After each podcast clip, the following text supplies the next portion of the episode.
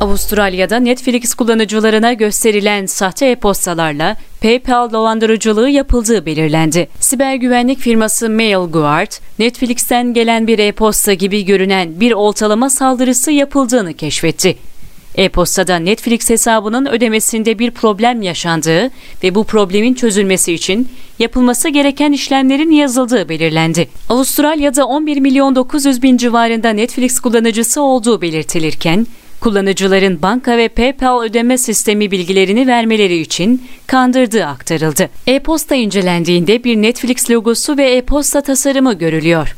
Bu sayfanın en altında da ayrıntıların görüntülenmesi adında bir bağlantı linki bulunuyor. Bu bağlantı linkine tıklandığında da Netflix'in giriş sayfasına oldukça benzeyen bir sayfa görünüyor.